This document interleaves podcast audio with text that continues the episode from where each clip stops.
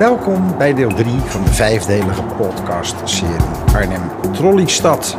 Vandaag reizen we van het De Monchieplein naar Arnhem Centraal. Volgende halte, de Monchieplein. De Monchieplein. Nou, zoek het plein. Het is vooral heel veel gras en bomen en verkeer. Heel veel ruimte. Erg veel ruimte ook wel. Zeker als je het bekijkt vanuit het perspectief dat je net uit Arnhem-Noord komt en eigenlijk dus een heel ander stadsdeel binnenkomt. Wat nadrukkelijk geen dubbelstad mocht worden, hebben we inmiddels geleerd. Nou, dat is dan ook goed gelukt, want een gevoel van stedelijkheid is toch wel een beetje ver te zoeken met al deze groene ruimte zo direct ehm, over de brug als je vanuit Noord komt. Maar goed, wij zijn al in Zuid. Wij gaan in ieder geval de Orgislaan in. En die, is, eh, die loopt parallel eigenlijk aan de oprit van de eh, John Frostbrug. En het, het leuke is wel dat dan net, als je een paar passen die straat in bent, dan zie je nog in het trottoir, ligt daar een metalen plaatje met daarop kookt elektrisch met SCH. Dus weer heel erg in. We herkennen in Arnhem natuurlijk wel de, de trottoirtegel waarin staat kookt op gas. Nou, dat is dan niet meer in. In de vorige aflevering maakte ik er al even gewacht van. Die vier flats die eh, onder een soort vreemde hoek gepositioneerd eh, langs de oprit van de John Frostbrug staan. En die niets te maken hebben met het vooroorlogse stratenpatroon. En als je er zo eens op je gemak naar kijkt, hè, keurig gemaaid grasveldje voor de deur. Allemaal van dat, dat groen, dat eeuwig groen is, waar ook al gooi je er accuzuur bij, toch de blaadjes nog niet eens van verkleuren. Wintervast heet dat geloof ik. Ja, en als je er zo op je gemak naar kijkt, dan heb je helemaal niet de indruk dat dit de entree is van Arnhem-Zuid, waar de helft van de Arnhemse bevolking woont. Maar ook niet als je van Zuid naar Noord gaat, wat wij nu doen, dat je. Het is, het is zo, zo onprominent eigenlijk. Het is ook wel weer sympathiek, maar het is echt ontzettend niks zeggend. En dan, wat wel leuk is, dat op de Kopse Gevel, aan de noordwestkant van elke flat, dat daar een soort wandrelief zit van beton. Wat sowieso sympathiek is ja, abstract, maar ik vind het toch wel iets vogel, vogelachtigs. Vogelachtige wandreliefs. En even kijken, hebben ze nou... Zijn ze nou allemaal hetzelfde? Het zijn inderdaad vogeltjes. Nee, en ze zijn ook nog allemaal verschillend. Dat is dan wel weer mooi. Het zijn ook hele sobere flats. Sober, maar doelmatig. Maar eh, die betonnen sculpturen op de gevel, die zijn eigenlijk wel heel fraai. Die zouden overigens wel een keer schoongemaakt mogen worden. Dan lichten ze een beetje op, want nu zijn ze nogal bealgd. Ja, en op het einde van de Orgislaan en de Graslaan, de boog van de John Frostbrug al vier voor ons uit. Daar is ook weer heel veel ruimte, heel veel gras. En dat valt mij altijd wel op van die ja, stedenbouw, maar ook infrastructuur, zo zeg maar, tot ergens halverwege de jaren 60 dat het allemaal een enorme ruime maat heeft. Alsof we ruimte genoeg hebben in Nederland. Heel riant, ook hier weer heel veel gras. Ja, een beetje. Ja, ook een beetje wezenloze ruimte is het wel.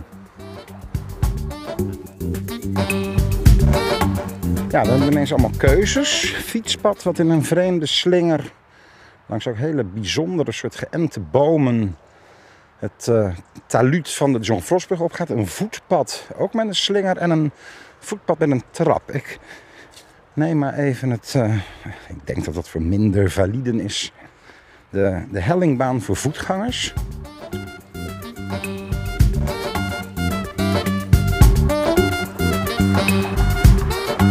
En dan na twee wat... Uh, kleine viaductje, speciaal voor voetgangers, sta je ineens op de John Frostbrug. En precies op de plek waar eigenlijk de brug zelf aantakt op het taluut hoor je dit.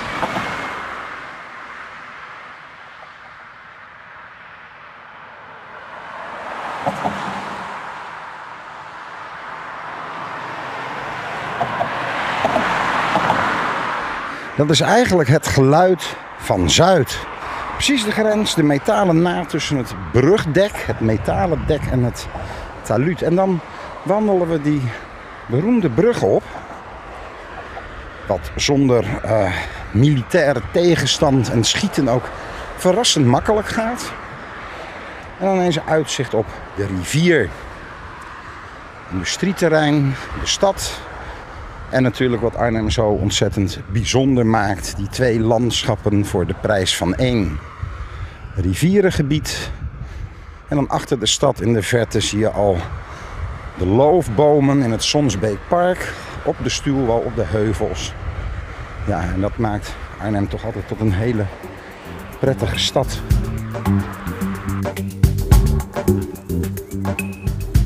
Als je dan bijna de brug zelf opgaat, waar de nog trappen naar beneden zijn, naar uh, nog net het laatste, de laatste kans om toch in Arnhem-Zuid te blijven voor je de rivier oversteekt.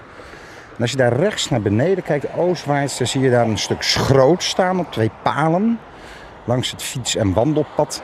En dat is een teruggevonden stuk van de echte brug. Want die brug waar we nu naar kijken is natuurlijk helemaal niet de brug waar in de Tweede Wereldoorlog om is gevochten. Want die is namelijk in oktober 44 kapot gebombardeerd.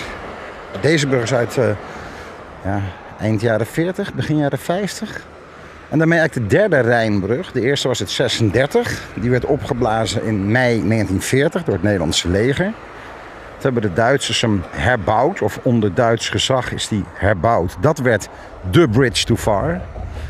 En dan uh, ja, hebben we nu een derde brug hier. Maar die tweede brug, waar dus eigenlijk om gaat, daar staat dus een fragmentje van hier uh, aan het water.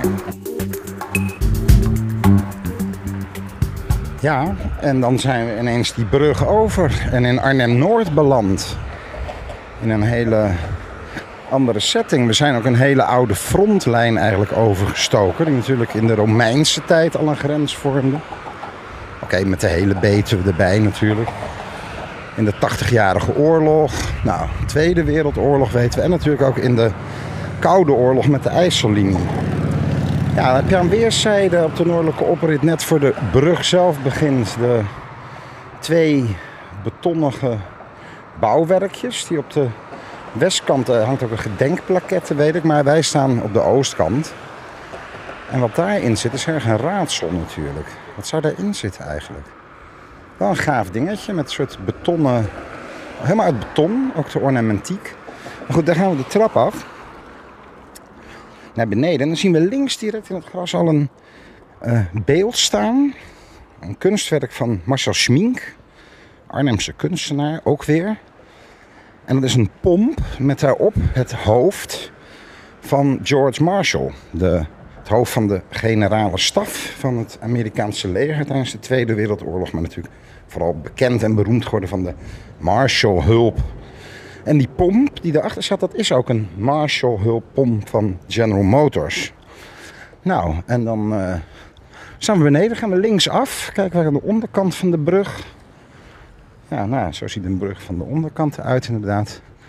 En dan het beeld van George Marshall met een grote vleugel. Een beetje, is het een engel, George Marshall. Um, en daarachter het uh, rioolgemaal is dat geloof ik. Een soort kooi stond eerst in mijn herinneringen laag, beetje begin jaren 60 gebouwtje. Nu is het een kooi waarin het echt best aardig zou zijn als er tijgers zouden lopen. Of zoiets. Ja, en dan staan we eigenlijk op de kop van de Westervoortse dijk. Waar nog de restanten van de oude Camis, later Coberco melkfabriek zijn. Een project in ontwikkeling in een heel traag tempo. Dus dat moet wel iets heel goed worden als het zo langzaam gaat. En daar gaan we oversteken. Met het uh, kantoorgebouw van, ik meen, architecten C. Waar stadskantoor en Rijkswaterstaat in zitten. En dan slaan we eigenlijk heel snel linksaf weer onder de brug door. Maar niet alvorens dat we even de trap die het taluut van de brug op zich zacht bekeken hebben. Want in de beide gemetselde muurtjes die naar het oosten uh, staan, daar zijn nog allemaal kogelinslagen te zien van de slag om Arnhem. En het gekke is, is natuurlijk erg in die stad gevochten. En toch moet je vaak heel erg zoeken om nog echt sporen daarvan te vinden. Maar hier is dat eigenlijk heel duidelijk. En op het taluut eigenlijk recht vooruit. Daar hebben ook gebouwen gestaan. Onder andere de Van Limburg Stierum School. En uh, de Britten van John Frost, die hier natuurlijk uh, met ongeveer 600 man toch maar liefst vijf dagen stand hebben weten te houden. Die zaten in panden natuurlijk weer aan weerszijden van die noordoprit van de brug. En die oorspronkelijke panden zijn ook allemaal verdwenen. Niet zo heel gek natuurlijk, want de Duitsers hadden op een gegeven moment ook de zware Tiger tanks waarmee ze met de loop horizontaal gewoon bam rechtstreeks in die gebouwen schoten. Ja, en dan lopen we onder de John Frostbrug door. En dan staan we in wat ik altijd maar het overheidsklontje noem. Provinciehuis, voormalig archief, voormalig belastingkantoor, tegenwoordig openbaar ministerie, gerechtshof. Ja, en daar heeft men zich dus geen ene fluit aangetrokken van het vooroorlogse stratenpatroon. Hier sta je echt in een compleet nieuwe wereld.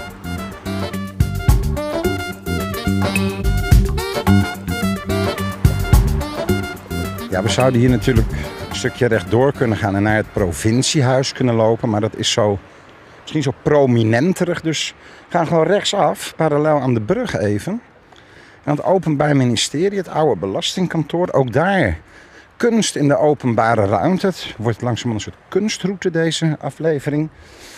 Ja, wat is het? Een soort ijsschotsen. Het zou ook als een soort panzersperren bedacht kunnen zijn. Grote blokken beton. Ja, en het zijn eigenlijk vier kunstwerken. Of waarschijnlijk is het één kunstwerk, maar in, in, valt in vier soort segmenten uiteen. En het laatste, daar staat ook een, uh, een ja, betonnen ja, wat is het? Een soort, het is een soort afdak. En er zijn aan de onderkant nu metalen platen ingemaakt. Maar ik kan me nog herinneren dat dat niet zo was. En dat was eigenlijk een best riante, holle ruimte. En daar sliep ook altijd een dakloze in. Maar dat mag nu niet meer. Het is eigenlijk een heel erg groot kunstwerk, bedenk ik me. En je kan er ook oplopen. Misschien was dat ooit ook in het plan. Is ook een beetje uit de tijd van de, de homo ludens. De bedoeling dat, je, dat het door het publiek bespeeld kon worden.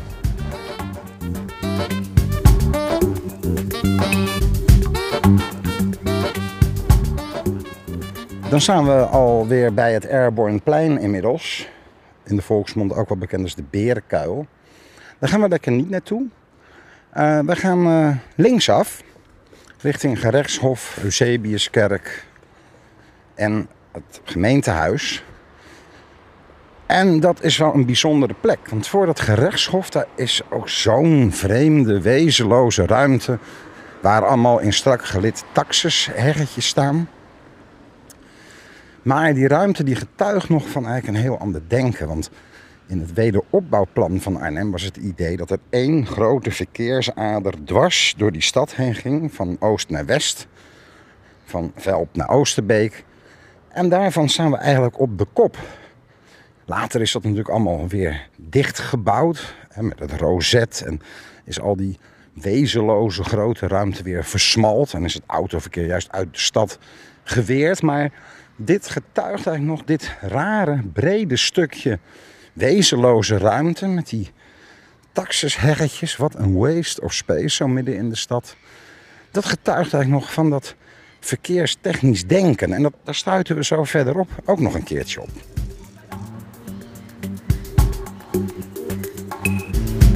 Ja, en die fontein bij het gemeentehuis die staat natuurlijk vaak uit. Het gemeentehuis is natuurlijk echt een icoon ook van die naoorlogse periode trekt zich ook natuurlijk helemaal niets aan van oude structuren, de oude stad. En daar staat een tekst ook in gebeiteld in de marmeren zijkant van uh, de fontein. Dit stenen teken meldt dat Arnhem met geweld geschaad werd en geschonden, maar zich door burgersmoed na twintig jaar in gloed en glorie heeft on, hervonden. Ja, dus 20 jaar, 1965, gloed en glorie.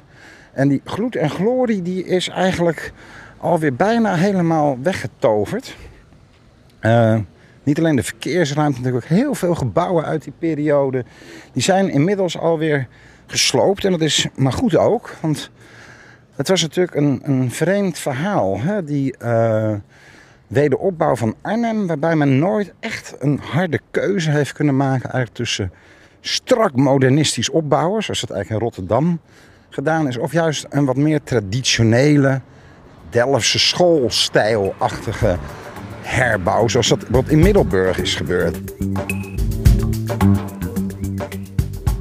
Maar ik sta nu op die hoek van de Damstraat en de Beekstraat. En dan kijk ik naar het, eigenlijk het oude stadskantoor. Wat nu, zoals zoveel gebouwen in Arnhem, eigenlijk op een best prettige manier getuned is. Niet helemaal gesloopt, gestript. En uh, krijgt een tweede leven als uh, woonbestemming. En dat is zo interessant natuurlijk, dat juist zo'n cluster waar alles alleen maar bedacht was, die hele zuidelijke binnenstad van Arnhem, die was eigenlijk gewoon bedacht als een soort city na de oorlog. Dat is niet de bedoeling dat daar gewoond werd. Daar zou gewerkt worden. Een bestuurscluster, provinciehuis, gemeentehuis, gerechtshof, belastingdienst en een handelshof, enzovoorts, enzovoorts. En gaandeweg die gloed en glorie waarmee alles in 65 zogenaamd uh, klaar was, betreft wederopbouw. Dat is, heeft natuurlijk een hele andere rol gekregen. Kijk naar een, het plein te veel dat we hadden, wat nu bebouwd is met de Focus Filmtheater en een appartementengebouw. Uh, en het, wonen wat ook in die stad langzamerhand aan het terugkeren is. En zo krijgt het toch in een paar jaar tijd heeft die stad best een ander aanzien gekregen. Het enige wat natuurlijk nog wel heel dringend anders moet, is dat politiebureau. Want dat is natuurlijk zo lelijk, zo zouteloos en zo DDR. Het zou eigenlijk heel goed bij die flat passen aan de Visserlaan in Arnhem-Zuid. Zou dat van dezelfde architect zijn misschien? De depressieve architect.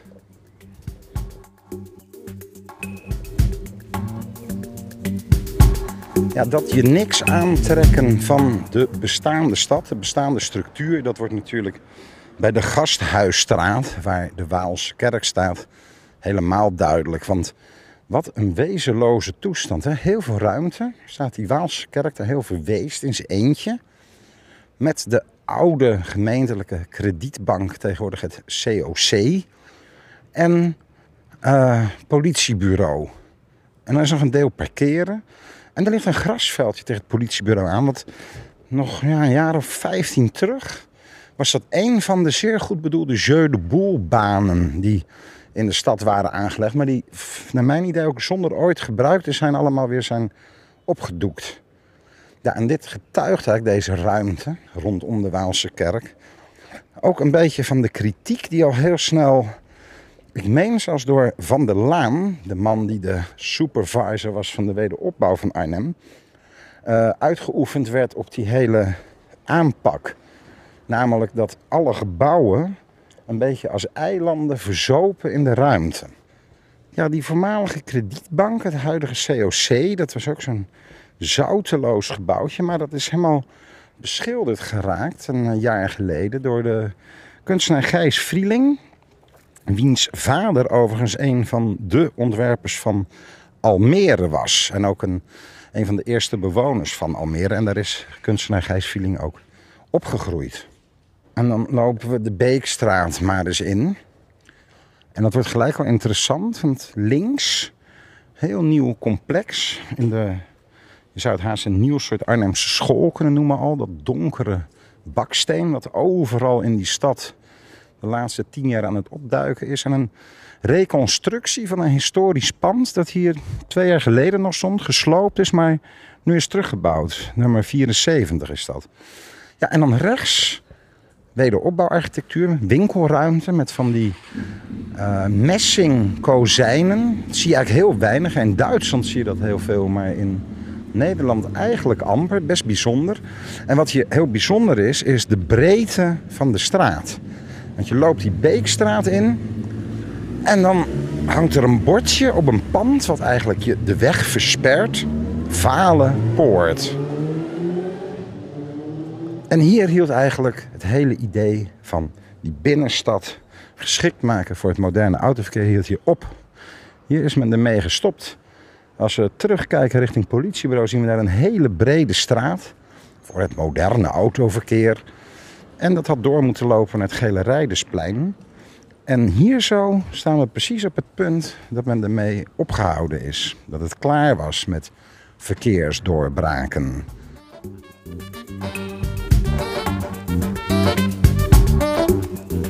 Maar we slaan in ieder geval even gezellig de Vale Poort in. Ook niet per se een straatje waar je nou iedere dag komt. Wel heel sympathiek. Uh, stadskleur. Er staan ook hele kleurige deuren. En het, ik weet dat niet het fijne van, maar het was ook lang een galerie. Onder de Valenpoort gaan we links, Walstraat in. En dan lopen we naar het Muziskwartier. En dat begint zo'n beetje bij nummer 5960. En dat Muziskwartier, dat is natuurlijk echt eigenlijk nog van het denken voor 2008. Die vastgoedcrisis, misschien eigenlijk het laatste van nog een zekere oude manier van kijken naar die binnenstad als winkelgebied. Hoewel er ook veel woningen boven zitten. En dat pand, nummer 60 is dat van de Walstraat. Dat staat al leeg zolang dat Muziskwartier is uh, opgeleverd. Weer een kunstwerk, het houdt niet op. Dat is een, uh, volgens mij, voor, ter nagedachtenis van Johnny van Doorn. Dat is echt verschrikkelijk lelijk. Het zijn uh, RVS-zuilen met panelen ertussen en spiegels. Bijna alsof je denkt, het is tijdens een handvaardigheidles op een middelbare school bedacht. Echt, nou ja, arme Johnny van Doren. Dat past niet in zijn kleine hersentjes. En dan lopen we de Gruiterpassage in. Lege ruimtes. Ja. Maar ja, misschien ook niet zo heel gek, hè. Het is een beetje van... Uh, niet meer van deze tijd, misschien. Fysiek winkelen. Ja, die Gruiterpassage uit, dan ben je ineens heel erg in het binnenstedelijke. Dan moet ik ook maar snel weer weg, want wat moet je daar nou eigenlijk over vertellen? Hè? Lopen we de Bovenbeekstraat in, waar we geconfronteerd worden met twee vreesaanjagend grote Playmobil poppen. En dan vrij snel rechts, heel bijzonder ook, geel bakstenen complexje. Wonen en werken, eigenlijk een van de vroegere voorbeelden van weer toch wonen in de binnenstad terug naar keren. Met een pleintje, wat eigenlijk nooit iets uh, geworden is, geloof ik. Er zijn wat plantenbakken. En als we dan onder het poortje lopen, dan komen we volgens mij gewoon weer in de Walstraat uit. Daar hangt ook een bord, Heuvelingprijs 1993 voor architectuur in Arnhem. En uh, volgens mij is het een, de prijs betreft de nationale prijs voor kwaliteit in wonen en werken. Ja, en uit 1991 is die prijs. En in 93 de Heuvelingprijs. Architect Dengers Bongers, opdrachtgever AWBA. Algemene Woningbouwvereniging Arnhem. En het is inderdaad, ondanks dat het inderdaad overduidelijk zo rond 1990 is gebouwd, is het eigenlijk best wel een aardig complexje. En we lopen er even langs op weg naar het Gele Rijdersplein.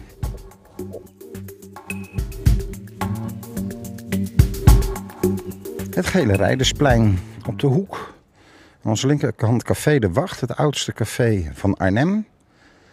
Wat dan refereert, de wacht, naar de kazerne. De Willemskazerne, waar de gele rijders, de veldartillerie gehuisvest was. En die in uh, 17 september 1944 uh, behoorlijk en opmerkelijk accuraat is weggebombardeerd.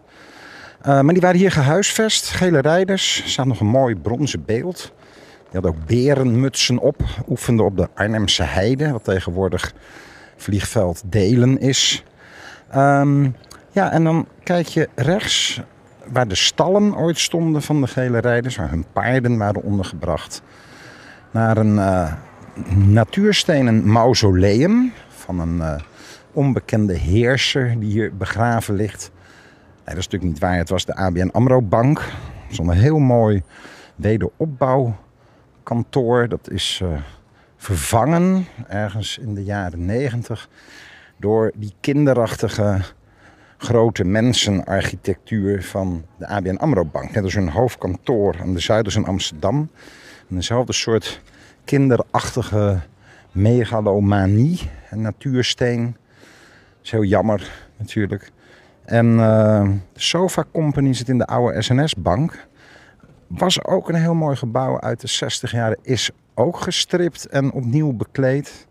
Eigenlijk ook weer niet echt een succes.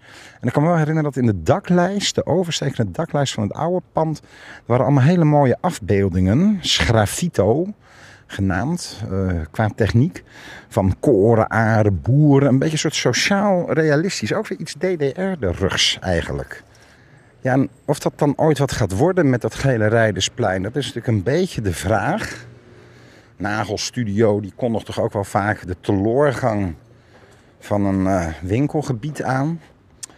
Maar de teloorgang laat zich natuurlijk nergens zo sterk lezen als de Acu-fontein. Die is hier in 1961 uh, geschonken vanwege het 50-jarige bestaan van de Acu. En sindsdien niet meer onderhouden, lijkt het. Is ook een beetje een complex geval, inmiddels aangewezen als rijksmonument. Maar goed, de tegeltjes laten los. Uh, de grote, grove grindtegels maken ook onderdeel uit van het ontwerp. Ja, er zijn stukken af, daar groeit mos in. Um, en dan die opmerkelijke patio met die betonnen uh, dakjes. Waar we ook nog even een jaar lang tegen een op zich best aardig ogende gouden kubus aan hebben kunnen kijken. Waarvan het leven dat daar binnen zou moeten gaan plaatsvinden, maar niet echt opgewekt kon worden. Dus toen is die weer verdwenen. Ja, we kijken hier aan tegen een uh, heel erg in verval geraakt, toch wel bijzonder object. Ja, en rijksmonument, dus het zou wel opgeknapt moeten gaan worden. Maar het is ook erg een kindje van zijn tijd. Zo'n enorme ruimte midden in de stad die je dan besteedt aan een fontein, een kunstwerk. 61 opgeleverd, dus inderdaad ook weer die tijd dat er aan ruimte helemaal geen gebrek leek te zijn in Nederland. Dat daar heel riant mee werd omgesprongen.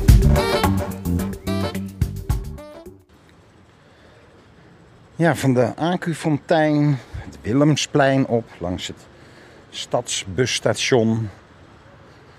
Wat overigens wel fijn is dat het voormalig Royal al voor de oorlog een begrip in Arnhem. En eigenlijk een fraai, heel fraai wederopbouwpand. Want natuurlijk heel lang zat dichtgeplakt, omdat dat ook van de kinderachtige grote mensenbank, de ABN AMRO was. Dat dat door onder andere een horeca, zaak als Stam Co. echt weer zo'n fijn stedelijk leven heeft gekregen. Met mensen op het terras, mits dat met die corona een keer is afgelopen. Ja, en dan staan we eigenlijk eh, aan het begin van het winkelcentrum, de Janstraat. Nou, daar gaan we natuurlijk eh, niet in. We gaan oversteken naar de Rabobank station. En Rabobank is natuurlijk een heel fraai pand van Willem Dudok. Die volgens mij in Arnhem verder niks heeft gebouwd. Bekend is ook van gemeentehuis in Hilversum onder andere. En van de gelijknamige horecaketen inmiddels. En als we dan zo daar een beetje in het midden staan onder die enorme platanen... dan staat er nog scheef gezakt een bord van het Arnhems Historisch Genootschap. Met erop Arnhem de genoegelijkste. En daar met een platte grond. En dat is natuurlijk wel heel leuk, want daar kun je even zien hoe die vestingwerken in elkaar zaten. Waar we ook de singel om Arnhem aan te danken hebben met al dat groen. En dat is nog wel iets bijzonders, want Arnhem was namelijk de eerste stad in Nederland die met de afschaffing van de vestingwet in 1872 uh, begon uh, met die vestingwerken te slopen en die in te richten tot promenade, tot wandelpark.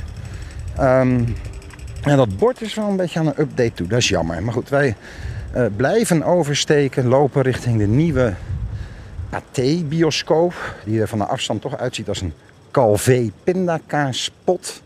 En dan komen we eigenlijk bovenop, achter Willem 1, de achterkant van Willem 1, ook interessant bij Arnhems meest verlaten rotonde. Doodlopend de oude Stationstraat is dat. En dat hele stationsgebied is natuurlijk onherkenbaar getransformeerd.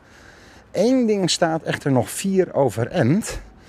Dat is gebouw A, tegenwoordig van ProRail. Maar dat is natuurlijk de verkeersleiding van een aanzienlijk deel van Oost-Nederland. Van het spoorverkeer. Met ook van die typische ramen boven, echt wijd overstekend dak. En dan een beetje verkeerstorenachtige, goudspiegelende ramen.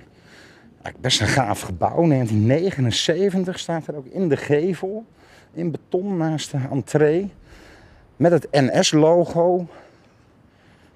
Ja, 1979. Ja, zo ziet het er ook wel uit. Eigenlijk echt een te gek gebouw. Net voorbij de pindakaasbioscoop. Daar ligt een braakliggend terreintje nu. En dat is bij mijn weten zo ongeveer de enige plek in Arnhem waar het spoor gelijkvloers ligt. Het is ook maar een paar meter hoor. Maar daar is het alsof je, ja, zoals je dat gewoon gewend bent van spoor. Dat is ook bijzonder. En er staan nu nog wat bouwhekken. En hier moet nog nieuwbouw komen. Ook een toren, maar dat is voor mij ook best gesteggel over. Dat moest natuurlijk eerst kantoren worden.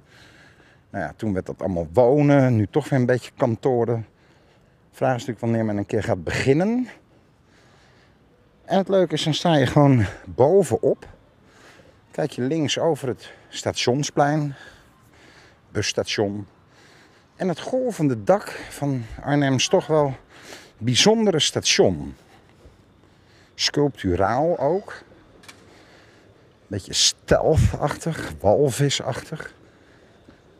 Misschien ook toch een beetje overdreven. Ah, mag je wel zeggen toch? Een beetje overdreven. Maar het is dus ook wel gaaf. En dat mag natuurlijk ook wel, want volgens mij heeft het 18 jaar geduurd. God allemachtig, wat heeft het lang geduurd. En toen werden we ook nog getrakteerd op een tijdelijk station. Met heel veel trappen. Waar je dan ook nog verplicht vanwege de winkeltjes moest omlopen. Tot veel burgerverzet leidde, ook van mijn kant. Toch die nooduitgang open doen, heel bozig. Maar dat leed is allemaal geleden. We hebben nu een fraai station wat op één plek ook nog steeds gezellig een beetje lekt als het veel regent. Zodat er midden in de hal dan een uh, emmer staat met zo'n piloon erbij. Misschien, hoewel, misschien was het ook wel, ik weet niet, Ben van Berkel, de ontwerper van het station. Weet ik niet of dat nou een hele gezellige en grappige man is. Maar het zou kunnen dat hij dat mee ontworpen heeft als grap. Het is allemaal zo strak en modern, weet je wat. Ik zorg ergens zo'n kleine lekkage zodat er altijd een emmer moet staan in die hal. Ja, dat viel natuurlijk te wachten, verwachten bij zo'n station. Dat dat ideaal is voor skatejeugd. Ik weet ook niet of Ben, onze Ben van Berkel, dat mee had bedacht eigenlijk. In ieder geval zijn we helemaal bovenop gekomen. Ja, we zijn aan de voet van de beide torens bij het station. Die we dan toch negeren. En dan gaan we gewoon linksaf gelijk de stationshal in. Want het is een leuke manier om het station binnen te komen. Dan sta je namelijk ineens boven op de, hoe heet dat eigenlijk? Balustrade, het, het stationsbalkon.